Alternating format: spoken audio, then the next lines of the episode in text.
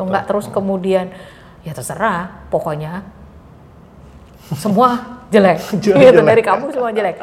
Kalau ada hal yang baik yang kamu lakukan ya aku tutup mata. Nanti kalau ada hal jelek ya aku akan maki-maki.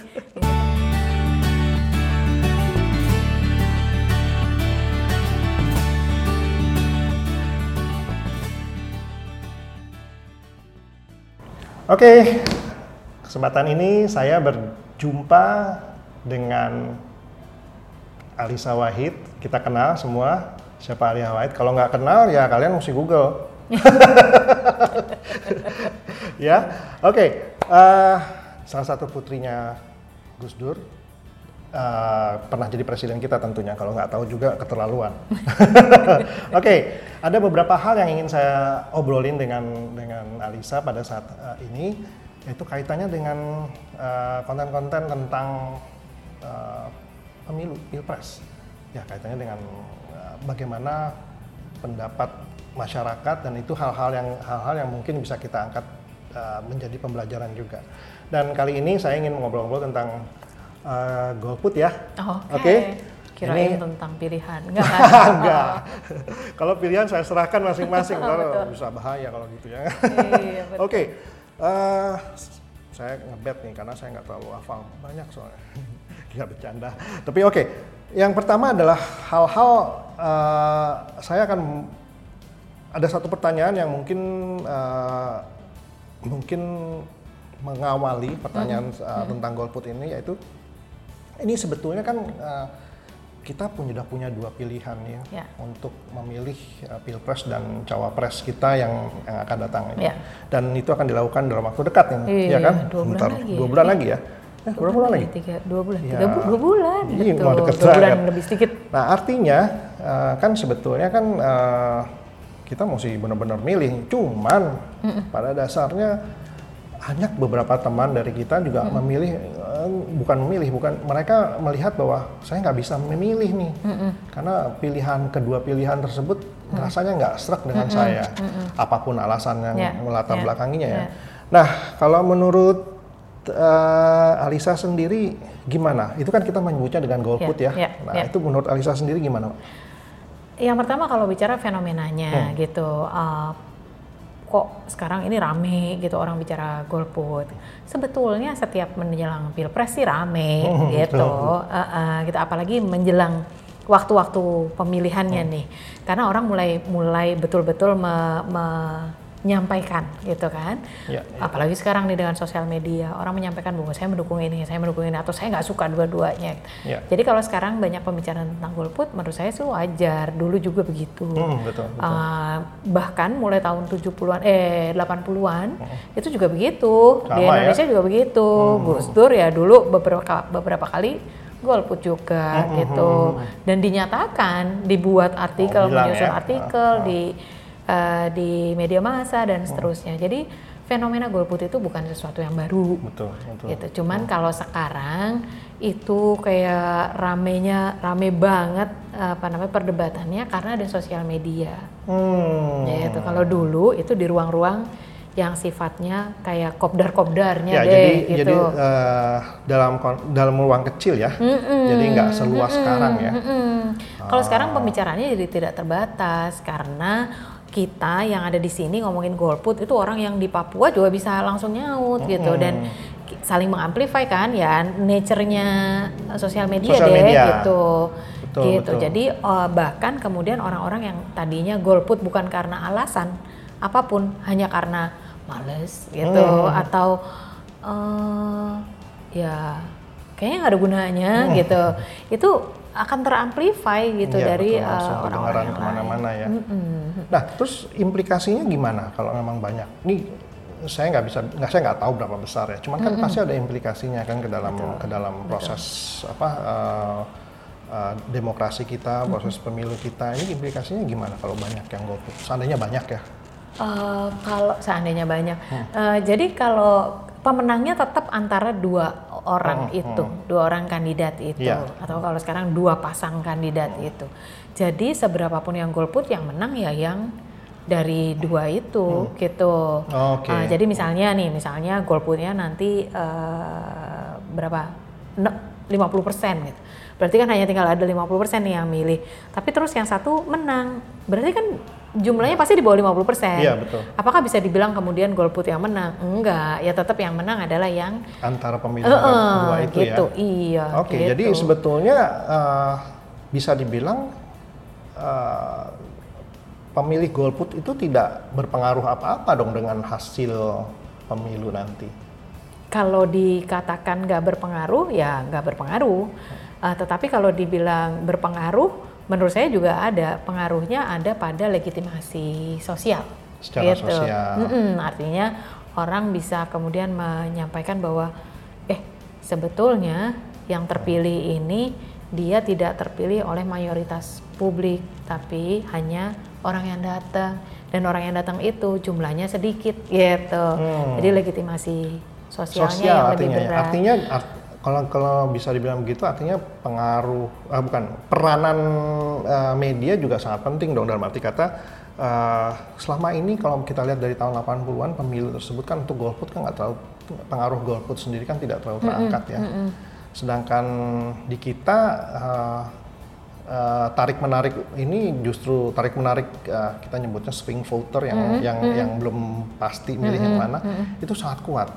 Kenapa ya? Karena mungkin karena ada alasan-alasan tertentu sebelumnya pernah kalah ataupun iya. hal kayak gitu. Jadi mereka sangat memperhatikan, oh lu kamu jangan golput dong. Nah, Nah itu uh, kenapa perdebatannya jadi seru karena sebetulnya pendukung dua kelompok ini ingin memenangi hati yang masih swing atau yang belum uh, apa namanya belum 100% yakin. Iya. Jadi udah cenderung ke pasangan yang ini tapi uh, masih bisa berubah gitu.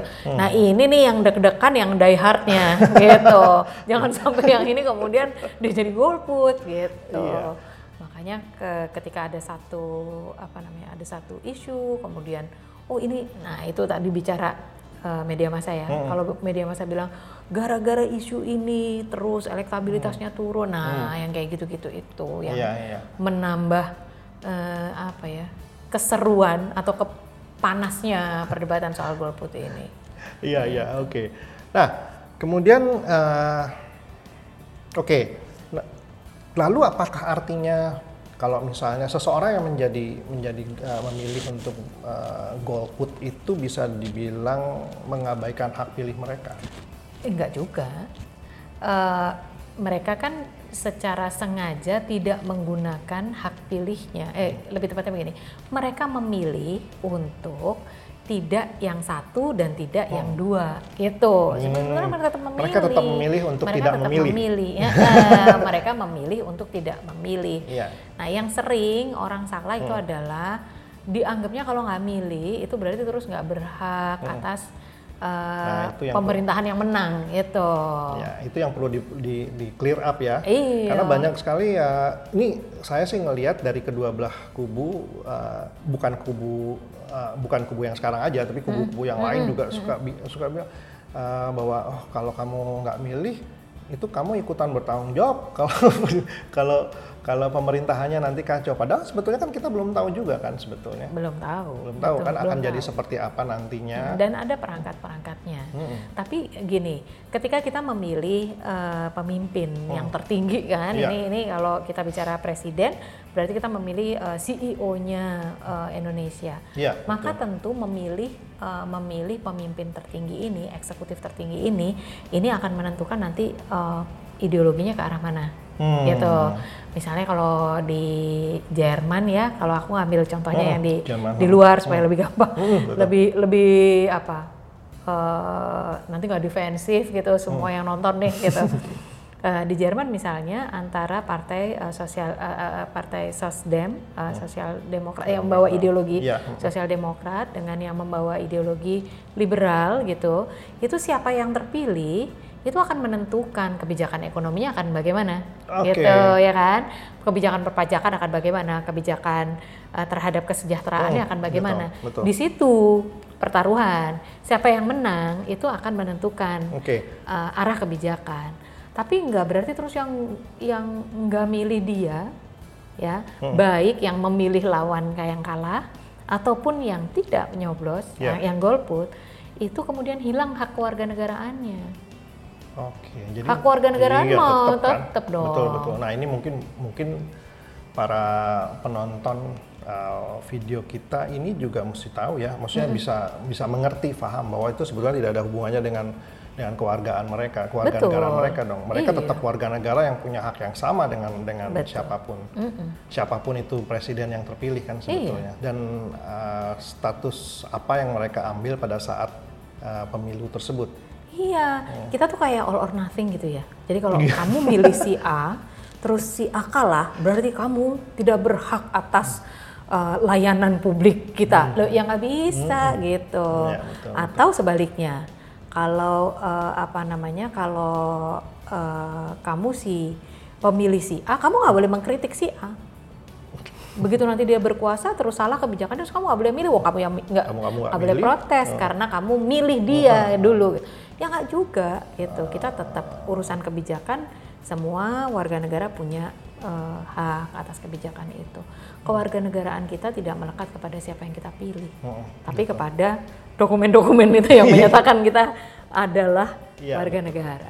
Nah, saya, saya ini agak melenceng sedikit dari dari uh, pertanyaan tentang golput. Tadi kan uh, Alisa men- mengambil contoh apa yang terjadi di Jerman ya, which is sebetulnya sa- tiap uh, ka- kandidat itu me- mewakili partai yang memiliki uh, apa namanya uh, acuan tersendiri, Ideologi ideologi sendiri, sendiri, uh-uh. sehingga masyarakat itu sudah bisa mempelajari. Betul. Oh, kalau saya milih ini, ideologinya ini artinya akan kira-kira akan seperti apa nanti Betul, negara kita. betul. Ya, bisa. Nah, kalau di Indonesia seperti apa? Enggak jelas. Nah, saya pernah nulis itu tuh di Iya. apa namanya di Kompas waktu itu. Saya bilang partai kita tuh menyebut dirinya sebagai partai Hmm.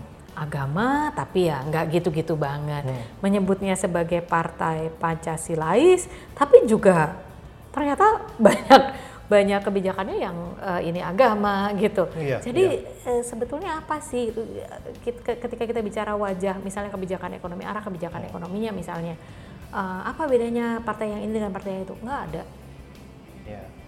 Apa yang eh, apa namanya? Apakah partai tertentu misalnya punya bayangan bahwa kalau partai kami berkuasa, maka dalam waktu 25 tahun ke depan Indonesia tuh arahnya ke sini. Iya. Karena itu kami membutuhkan calon presiden yang begini, begini, begini. Nggak ada juga gitu. Nah, itu kan. Lebih ke kita masih ya proses demokratisasi sih. Iya, iya masih ada. Gitu Cuma ya. pada dasarnya kan seharusnya itu menjadi menjadi ini kan kita milih CEO-nya negara loh. Iya. Seharusnya itu kita anggap is, it's a big deal. Maksudnya It's a kita, big deal, Itu betul. kita mesti karena kita harus menjalaninya selama lima tahun ke depan kan untuk itu. Betul. Hanya karena kita sama sekali eh, kita memang nggak ada pendidikan politik yang cukup ya. Hmm. Hmm, artinya eh, apa namanya partai politik tidak tidak juga Hmm. melakukan pendidikan politik kepada warga masyarakat sehingga mereka nggak bisa membedakan apa itu eh, eh, apa namanya pendekatan welfare state dengan pendekatan apa eh, negara yang setengah sosialis dengan negara Hmm. yang sosialis bedanya bagaimana dengan negara yang liberal gitu tuh nggak ada gitu Hmm. Iya. yang ada liberal-liberal soal agama nih yang di- Iya. kalau di Indonesia gitu nah karena itu warga juga nggak nggak punya kriteria ketika dia memilih calon pemimpin Betul, betul. apakah itu sesuai dengan ideologi yang mereka yakini Iya, gitu iya. karena itu kan beda banget jadi kalau eh, negara negara yang welfare state gitu itu kan pajaknya tinggi tapi eh, eh, apa hak warga negara fasilitas umum untuk warga negara jauh jauh lebih Bagus, besar. Ah. karena sebagian besar ditanggung oleh negara. Sementara kalau negara-negara yang eh, liberal murni itu cenderungnya menyerahkan kepada hak individu gitu. Individu warga negaranya oh, silakan. Iya. kalian bisa eh, ini apa kami cuma jadi wasit gitu Mm-mm, istilahnya. betul, betul. nah itu kan beda banget. Iya, betul. dan apakah ada yang satu yang lebih baik dari yang lain? Menurut saya tergantung ideologi kita ngelihatnya Betul, gitu. jadi apakah ada yang lebih jahat menurut saya enggak itu masalah ideologi Iya, tapi karena kita masyarakat kita nggak pernah ngerti soal itu gitu yang ngerti tuh hanya benar-benar yang terdidik banget ya Hmm. Dan soal itu politik loh Betul, dan itu jumlahnya nggak banyak. ya. jumlahnya nggak banyak jadi akhirnya ini soal popularitas aja Nah iya, jadi kontes eh, ya jadinya beauty contest kan kalau kalau boleh saya Popularity ya, popularity contest. contest ya. Nah, Gitu. jadi ya siapa yang populer bang- dia yang akan dia yang akan terpilih gitu kan jadi ya. kayak kayak popularity contest untuk nyanyi misalnya, Hmm. belum tentu yang Betul. yang dianggap oleh dewan juri yang expert ini sebagai orang yang skillnya paling bagus yang menang, tapi yang siapa yang populer Hmm, gitu. betul, betul. Itu yang nggak apa-apa sih populer sebetulnya asal warga negaranya itu sadar eh, bahwa ketika mereka memilih itu mereka memilih itu tadi CEO yang akan menentukan arahnya Iya, negara gitu. Betul. Oke, nah ini eh, sebetulnya kan dengan adanya eh, liberasi, liberalisasi eh, media pada saat ini dengan adanya sosial media dan dan hal-hal yang berkaitan dengan digital, informasi kan jauh lebih mudah kita tangkap. Ada peristiwa yang yang eh, saya nggak bisa bilang itu mirip apa enggak dengan kita eh, di Amerika terpilihnya Donald Trump. Da- pemilih menurut kacamata Alisa, apakah terpilihnya Donald Trump itu akibat tingginya golongan golput? Golput. Kalau kita bicara popularity vote-nya itu sebetulnya kan Hillary menang ya. Hmm. Hillary menang. Tetapi untuk eh, apa kalau kalau eh, sistemnya Amerika tuh apa yang akhirnya memenangkan memenangkan eh, Trump itu kan yang wilayah itu. Oh iya iya betul. Iya, Nah, ah, nah. ah, saya Saya lupa juga tuh. lupa istilahnya Namanya.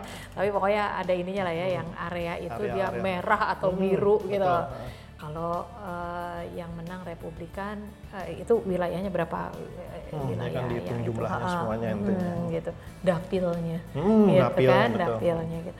Nah, eh, jadi mereka kan ada dua nih. Eh, jadi popularity vote sebetulnya Hillary menang, tapi eh, ternyata kalau lihat dari itunya eh, apa namanya yang yang pemilihan yang satu Hmm. lagi itu itu eh, ternyata kan kalah gitu. Jadi eh, apakah itu directly dipengaruhi oleh golput?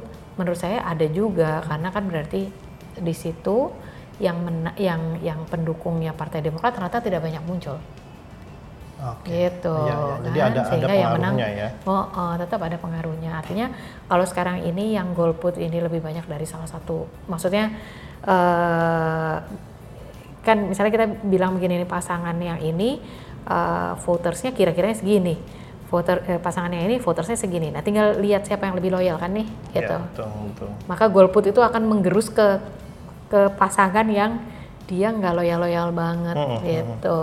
Nah kalau bicara loyalitas itu memang terus kemudian kita harus lari ke politik identitas.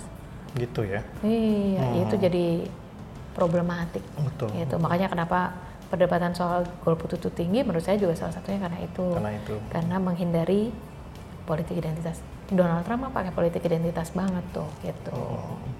A- ada kemungkinan nggak em, em, apa yang terjadi di Amerika itu bisa terjadi juga di Indonesia? Ada.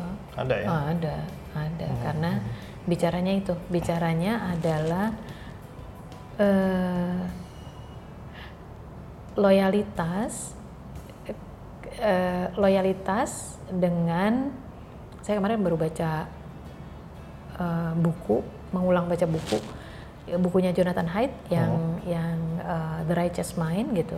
Itu kan membahas tentang itu pemilihannya Bush versus Al Gore ya Hmm, hmm, hmm. gitu uh, Bush Junior dan versus Al Gore waktu itu dan uh, dia kemudian menyatakan bahwa uh, manusia itu memilih berdasarkan kriteria dia kan moralitasnya betul. dia gitu nah uh, sense of uh, value-nya orang ini kalau orang-orang yang loyal apa namanya yang moralitasnya loyalitas gitu itu sering kali agak berbeda dengan orang-orang yang eh, apa dia dia dia bukan loyalis apa loyal kepada rasionalitas gitu Oke. jadi bukan loyal kepada eh, identitas Dan, mm, betul. gitu. Mm.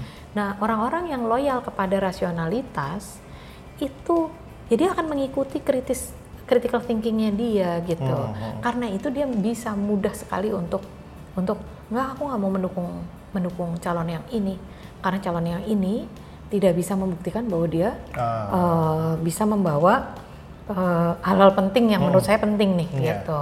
Sementara eh, kelompok-kelompok atau orang-orang yang yang dia loyal kepada identitas, misalnya suku. Kalau di Amerika itu kan terus itu ya Iya betul. white apa white Iya, supremacy white supremacy. gitu kan Make gitu. America great again. Make America Great Again dan itu eh, di banyak negara yang lain kan juga terulang ya kayak di eh, Eropa kita tahu beberapa beberapa kandidat presiden yang membawa politik identitas itu juga dapat pendukung banyak.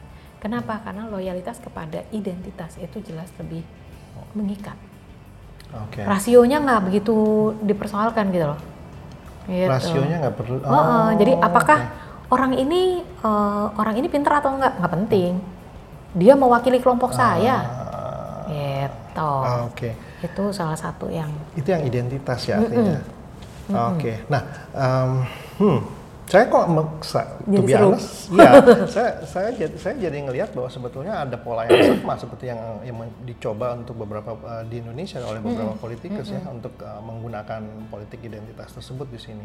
Karena banyak kan uh, kita kan negara negara berkembang. Banyak banyak uh, sebagian besar dari kita itu merasa belum terwakili oleh adanya pemerintah-pemerintah yang lalu.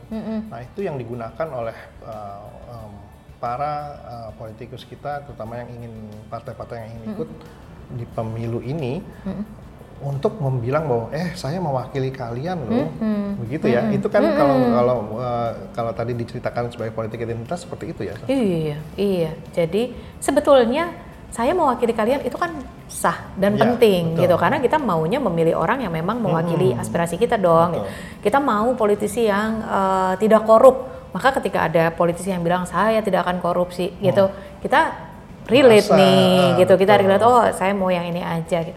Tapi kalau eh, saya mewakili kalian loh, tapi mewakilinya itu karena kamu orang Jawa gitu, atau karena kamu agamanya ini. Iya. Nah itu yang kemudian Ah. jadi berbahaya Betul, gitu karena eh, polarisasinya berat kalau itu. Betul dan karena dan kit- kita, kan um, ya tolong dikoreksi kalau saya eh, salah salah ya cuman kita kan memilih pemimpin kan tidak hanya berdasarkan cuma satu poin itu saja kan sebetulnya Betul. kan banyak poin misalnya dia harus dia harus bisa bisa apa namanya bisa melakukan hal ini hal itu hal-hal Betul, hal yang lain betul. kan sebetulnya Dan yang yang lebih prinsipil itu Hmm. adalah eh, eh, ideologi dia bagaimana dan eh, juga paradigma dia atau cara pandang dia Ah. terhadap negara dan rakyat Betul. gitu. Hubungan antara negara dengan rakyat tuh gimana?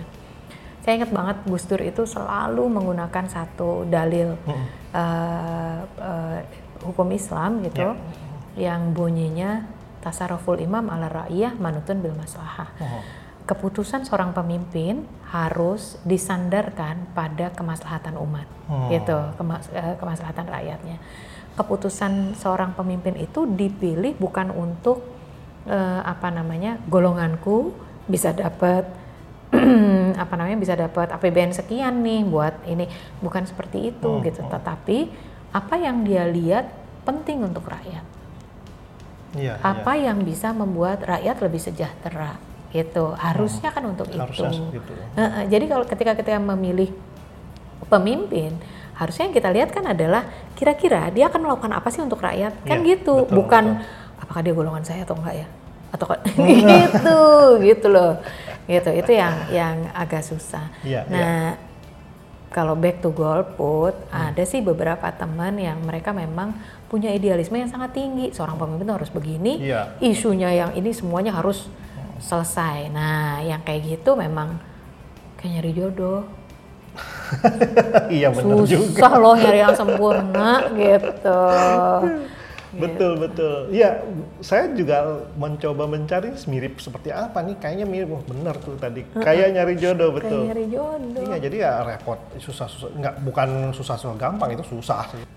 mencari yang sempurna tuh susah bahkan karena saya psikolog keluarga Iya, iya. gitu. Oh. kenapa saya analoginya ke situ hubungan antara eh, suami sama istri itu eh, kan nggak dia bukan sesuatu yang statis.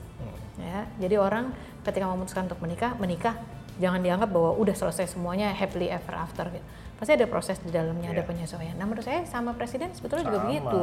betul. Kritik kita, input kita kepada presiden itu akan menjadi masukan untuk dia untuk mengambil kebijakan. Betul, gitu. betul, Nggak betul. berarti kalau sekarang saya mendukung salah satu pasangan calon penga eh calon pengantin pasangan presiden gitu saya terus nggak boleh memberi input sama dia dan harus menerima mentah-mentah semua Iya. yang dia inikan yang dia berikan nggak bisa Betul.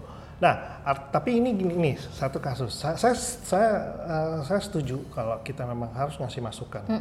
Cuma problemnya kita juga banyak yang nggak ngerti cara Cara cara, ngasih memberikan masukan yang baik. Bahkan banyak yang kalau saya lihat ini, tolong saya dikoreksi kalau saya, saya banyak sering sekali ngelihat itu dan- jadi dendam. Jadi itu dipelihara sampai ah, nanti lah pemilihan berikutnya gimana. itu iya, itu dan selama itu Iya, selama waktu itu itu terus-terusan bukan bukan kritik yang dilontarkan, tapi kebencian. Ya. Kebencian, Nah, itu kebencian, bedanya, kebencian gitu. terus. Nah, itu yang Iya. terjadi. Saya sering saya juga se- sering melihat teman-teman saya sendiri pun begitu. Jadi kalau begitu mereka take sides, mereka nggak take it easy gitu. Jadi tetap aja, lu kan gini, kamu kan gini, kamu kan belum. iya padahal itu distorsi kognitif loh all or nothing Ya makanya kan saya. Black or white. Gitu kan? Ya, black Nah, kalau iya. Jadi kalau di sini berarti suci di sana berarti Nah, itu. Enggak juga. Sebetulnya kan enggak. Jadi gini, se- uh, ya kalau saya sih ngerasa baik lagi ini pendapat saya sebagai orang awam ya, itu saya ngerasa bahwa uh, kayak memilih perusahaan aja. Dan saya bilang bahwa oke saya nggak suka sama dia, teman kalau tapi kan orang kan bisa berubah. Kalau berubah dalam arti kata gini, kalau mereka di ada di atas dan mereka punya program yang baik di, disampaikan, uh, tentunya Ya kan dukung. saya dukung dong. Oh. Problemnya kebanyakan kan ya itu Ya ketidakjelasan tadi. Ah, Jadi tadi yang seperti saya tanyakan eh, beberapa partai yang tidak itu berdampak kepada si calon-calonnya yang jadi saya nyebutnya adalah gagap dan arti kata gagap menjelaskan maunya mereka tuh seperti apa. Iya. Saya ambil contoh gini, eh, debat pilpres kemarin. nungguin. Saya bisa mendapatkan sesuatu sehingga saya nunggu sampai habis. ah, What's ya ma- maaf nih ya, saya saya bukan saya saya bukan apa apa, cuman saya tidak mendapatkan apa-apa gitu kalau Iya, dalam iya. di- debat pilpres. itu. yang pertama. Jadi yang mana nih gitu? Nggak ada. Saya nggak tahu. uh, An- uh, Alisa juga meng- me- mendapatkan hal yang kecewa. sama. Saya juga kecewa dengan Iya, kan? eh, debat yang kemarin gitu Kesannya karena apa gitu? eh, nggak ada sesuatu yang esensial padahal temanya sangat esensial gitu. Jadi eh, saya tidak mendapatkan kejelasan eh, soal strategi untuk me- mengelola demokrasi dan dan eh, melindungi hak asasi manusia, pemenuhan hak asasi manusia nggak ada gitu. Yang ada ini kok jadi begini kayak dan dan eh, ya hanya saling menyerang aja Iya. gitu. Itu yang Dan itu yang saat padahal yang saya kita butuhkan kan kejelasan ya. Bener, saya mau milih loh gitu.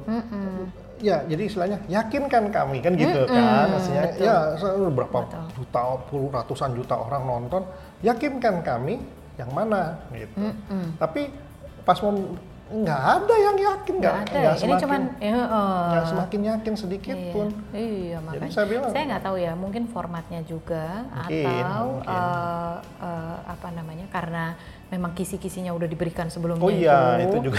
Jadi jadi kayak eh, lebih sibuk mengantisipasi kira-kira lawan itu akan ngomong apa, jadi saya nyerangnya gimana gitu atau apa gitu in- eh, alih-alih justru menyampaikan bahwa ini yang akan saya lakukan kalau saya jadi eh, pemimpin anda semua gitu itu kan Iya. nggak ada Betul. gitu jadi nggak ada yang ngomongin substansi demokrasi itu nggak ada loh gitu Betul. kemarin Il. jadi wah saya Iya. kecewa Benar kecewa dan saya membayangkan kalau kalau kita ambil ba- kembalikan ke konteks ngobrol kita sekarang, ba- kalau saya seorang golput ya uh, saya juga makin bingung gitu kan. Kalau golputnya baru dengan golput dalam konteks lebih clear ya, maksudnya oke saya akan mempertimbangkan kalian deh, lah ah, gitu. ah. Uh, saya ini ada debat nih.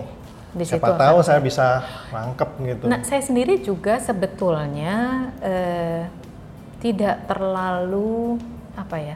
Saya melihat gini, ada problematik juga sih debat itu, Hmm, gitu. Kenapa? Karena debat itu kan tidak bisa merepresentasikan kerja.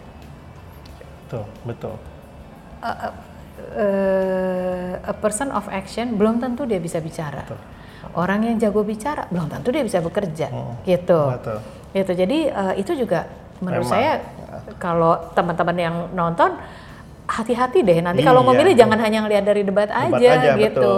Debat itu hanya salah satu window kita untuk melihat orang ini cara pandangnya gimana ya Betul, calon pemimpin cara- kita. nah. Kalau ngelihat soal demokrasi bagaimana? Nanti kalau ngelihat soal ekonomi bagaimana? Hmm, betul. Cara dia nanti akan membangun kesejahteraan rakyat akan seperti Hmm. apa gitu. Eh, nah itu itu eh, apa namanya? eh, itu hanya window gitu. Itu hanya jendela. Kita hanya lihat pikirannya. Nanti harus dilihat dengan apa namanya? di, di kita kita selaraskan dengan apa yang selama ini sudah tampak gitu, Hmm, sudah betul, dilakukan dan itu eh, itu menurut saya bisa kok eh, seorang orang yang berjuang untuk rakyat itu eh, nggak nggak nggak akan terikat hanya oleh posisi presiden Iya, betul. gitu. betul. Artinya kita lihat aja eh, sebelum ini apa yang dilakukan untuk eh, misalnya bicara kesejahteraan rakyat gitu. Eh, eh, ini kita membicarakan seseorang yang yang yang anu lah ya, yang karena udah nggak ada di calon-calon yang ada nih gitu. Eh, Pak Mahfud MD misalnya. Iya. Pak Mahfud MD itu saya membayangkan kalau dia ada gitu, itu pasti dia akan bicara soal konstitusi. Kenapa? Karena track recordnya dia konstitusi Iya. Betul. gitu. Ya, nah, betul. sekarang kita juga lihat nih pasangan-pasangan yang ada track recordnya bagaimana, Pak Jokowi track recordnya bagaimana, Pak Maruf Amin bagaimana, Bang Sandi bagaimana, Pak Prabowo bagaimana, itu kan kelihatan. Kelihatan, nah, jadi jangan hanya lihat dari debat, lihat juga apa yang eh, apa namanya, oh, Hmm. Iya. oh, karena nggak melulu itu. Betul, artinya kan kita sebagai pemilih itu kan diberikan PR nih sebetulnya Betul, untuk betul. mengulik. Betul, Nah, lebih saya jauh. sih saya sih sebetulnya lebih lebih suka ini kalau pendapat pribadi saya suka justru eh, timnya mereka mempersiapkan sebetulnya ya. Betul, Jadi seperti yang betul. kayak di Jerman tadi itu kan lebih enak. Jadi pemilih itu tidak dibebankan lagi karena apalagi kita, kita kan bayangkan saya beberapa kali ikut pemilu mem- eh, memilih DPRD 2 nggak ngerti nih siapa Iya, ya. benar-benar. Akhirnya masa pilihannya oh ini kayaknya ini ini kayaknya saya familiar ya udah ini aja. Cap cip cup kembang Iya kan, kucuk. kan gitu. Ada beberapa beberapa saya tinggal di Tangerang misalnya. Tangerang lebih nggak keangkat lagi karena karena yang biasanya semua sorot media ke ke Jakarta. Tangerang begitu punya siapa what the Hmm. Iya, what the bener. Saya nggak Iya, ngerti ya. iya. Akhirnya semua cap cip cup. Iya betul. Nah, padahal sebetulnya itu juga bisa bisa ini juga. Sekarang dengan sosial media, Hmm, hmm. uh, apalagi nanti untuk pemilih uh, ini ya, pemilih yang Iya. milenial atau yang ya masih di bawah di usia saya Iya. turun ke bawah, bukan di generasi di atas saya. Itu kan banyak di sosial media. Iya betul. Uh, you don't even have to go to uh, apa namanya ke ke ke kampung Ah, itu secara fisik walaupun tentu uh, itu nanti akan sangat menentukan Hmm, gitu tapi membangun kredibilitas di melalui sosial media itu Ya, sangat juga itu sangat penting, bisa betul. itu penting gitu nah yang menyedihkan adalah uh, orang kemudian tahu bagaimana cara memanfaatkan media Hmm. bad news is better than good news Nah, Bad news is good news. Bad ya. news is Bad good news is good news. Kenapa? Karena bad news membuat eh, kita masuk di top of Iya. mind gitu. Lebih diingat. Nah, ya at the cost of your inte- integrity. Gitu. iya betul. Kan nggak mau kan kita juga direkam sebagai eh, orang yang dia ada di kepala orang-orang tapi karena kekonyolan yang dia Betul. buat gitu. Kan beberapa orang seperti itu. Jadi mengandalkan ya eh, apa bad newsnya supaya dapat apa diingat sama orang. And it's not good.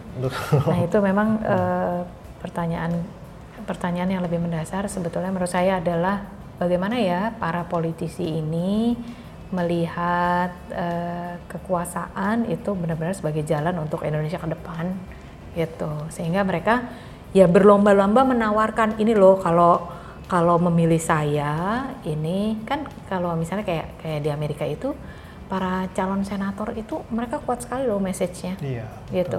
Misalnya antara yang eh, apa namanya pro Black Lives Matter dengan Oh. yang yang enggak gitu, yang tidak memandang, ya, yang yang dia ya ya konservatif aja gitu. Iya. Itu kan clear banget Betul, gitu ya. betul, betul. Eh, jadi eh, apa orang tuh clear memilih bahwa oh saya memilih si senator ini karena dia mendukung Black Lives Matter Hmm. gitu atau misalnya eh, yang pro aborsi dengan yang anti aborsi Iya, gitu. iya. Saya memilih senator yang ini karena dia yang lebih cocok value-nya dengan saya Hmm. gitu. Sekarang enggak. Saya sangat berharap para pe- para politisi Iya. itu kemudian dia memperjelas bahwa kalau saya menjadi wakilmu, ini loh yang akan saya lakukan gitu. Kenapa? saya Karena saya meyakini Mm-mm. Indonesia akan lebih maju kalau masyarakat begini. Ya, misalnya paling gampang aja.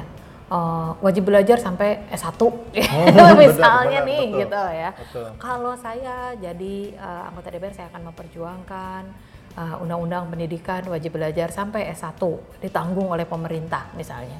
Karena pendidikan adalah kunci untuk Indonesia yang Iya, bla bla bla. Kayak gitu yang kita Iya. mau, bukan yang eh, apa ya, bukan yang ya eh, sekedar sekedar saya ini wakil dari golongan kamu gitu. Itu Iya. bahaya banget. Memang bahaya banget, memang kita nggak kenal soalnya. Iya kan, itu hal-hal kayak gitu yang memang mesti ini. Ini juga ini juga pesan ya buat teman-teman politisi yang yang yang uh, ingin dipilih tentunya ya. ya kalian juga mesti agak lebih lebih apa? lebih intens dalam ngasih tahu ya, ngasih Iya, tahu ke betul, kita kita nggak cuma sekedar bahwa eh saya dari daerahmu ya daerahmu loh, jadi pilih saya nggak seperti itu juga. Dan eh, saya nggak tahu banyak politisi yang mereka masih pakai logika politisi zaman dulu gitu. Logik- Logika politisi zaman dulu tuh gini, di publik dengan di belakang layar itu beda gitu. Eh, transaksi yang kita lakukan di belakang layar nggak bakalan ketahuan kok. Mm-mm. Udah nggak Udah bisa. nggak bisa, betul. Warga itu udah makin eh, melek gitu. Eh, kalau sekarang pakai politik identitas, eh, ya mungkin dalam jangka waktu 10 tahun atau satu generasi ke depan Hmm. masih bisa.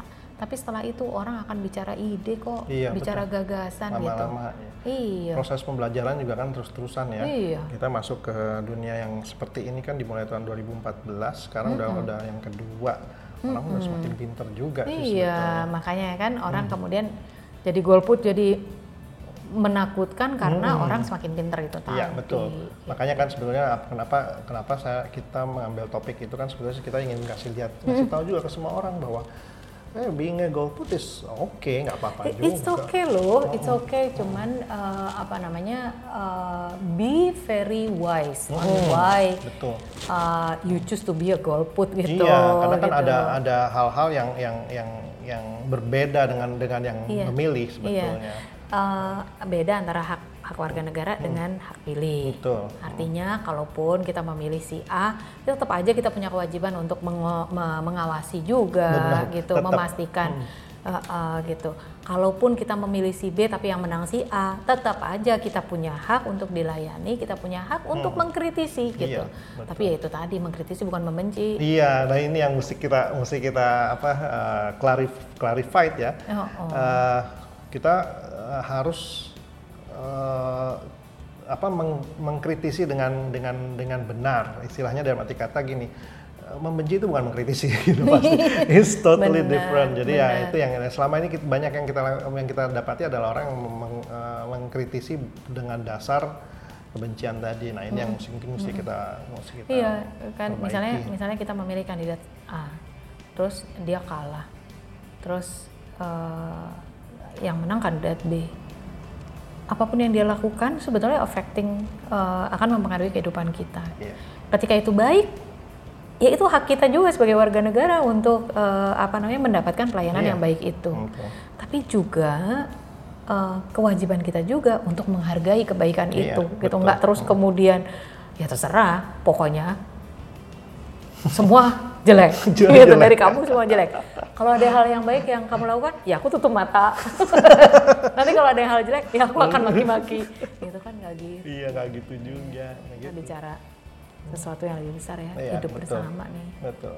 Dan itu sebenarnya kedewasaan kita semua ya. Betul. Nah jadi jadi em, loh ya sem- kita diberi hak memi- untuk memilih kan itu kan kita sebetulnya secara tidak langsung kita dianggap sudah dewasa. Betul. Jadi ya, ya gunakanlah kedewasaan itu. Betul, kan ya? betul, betul.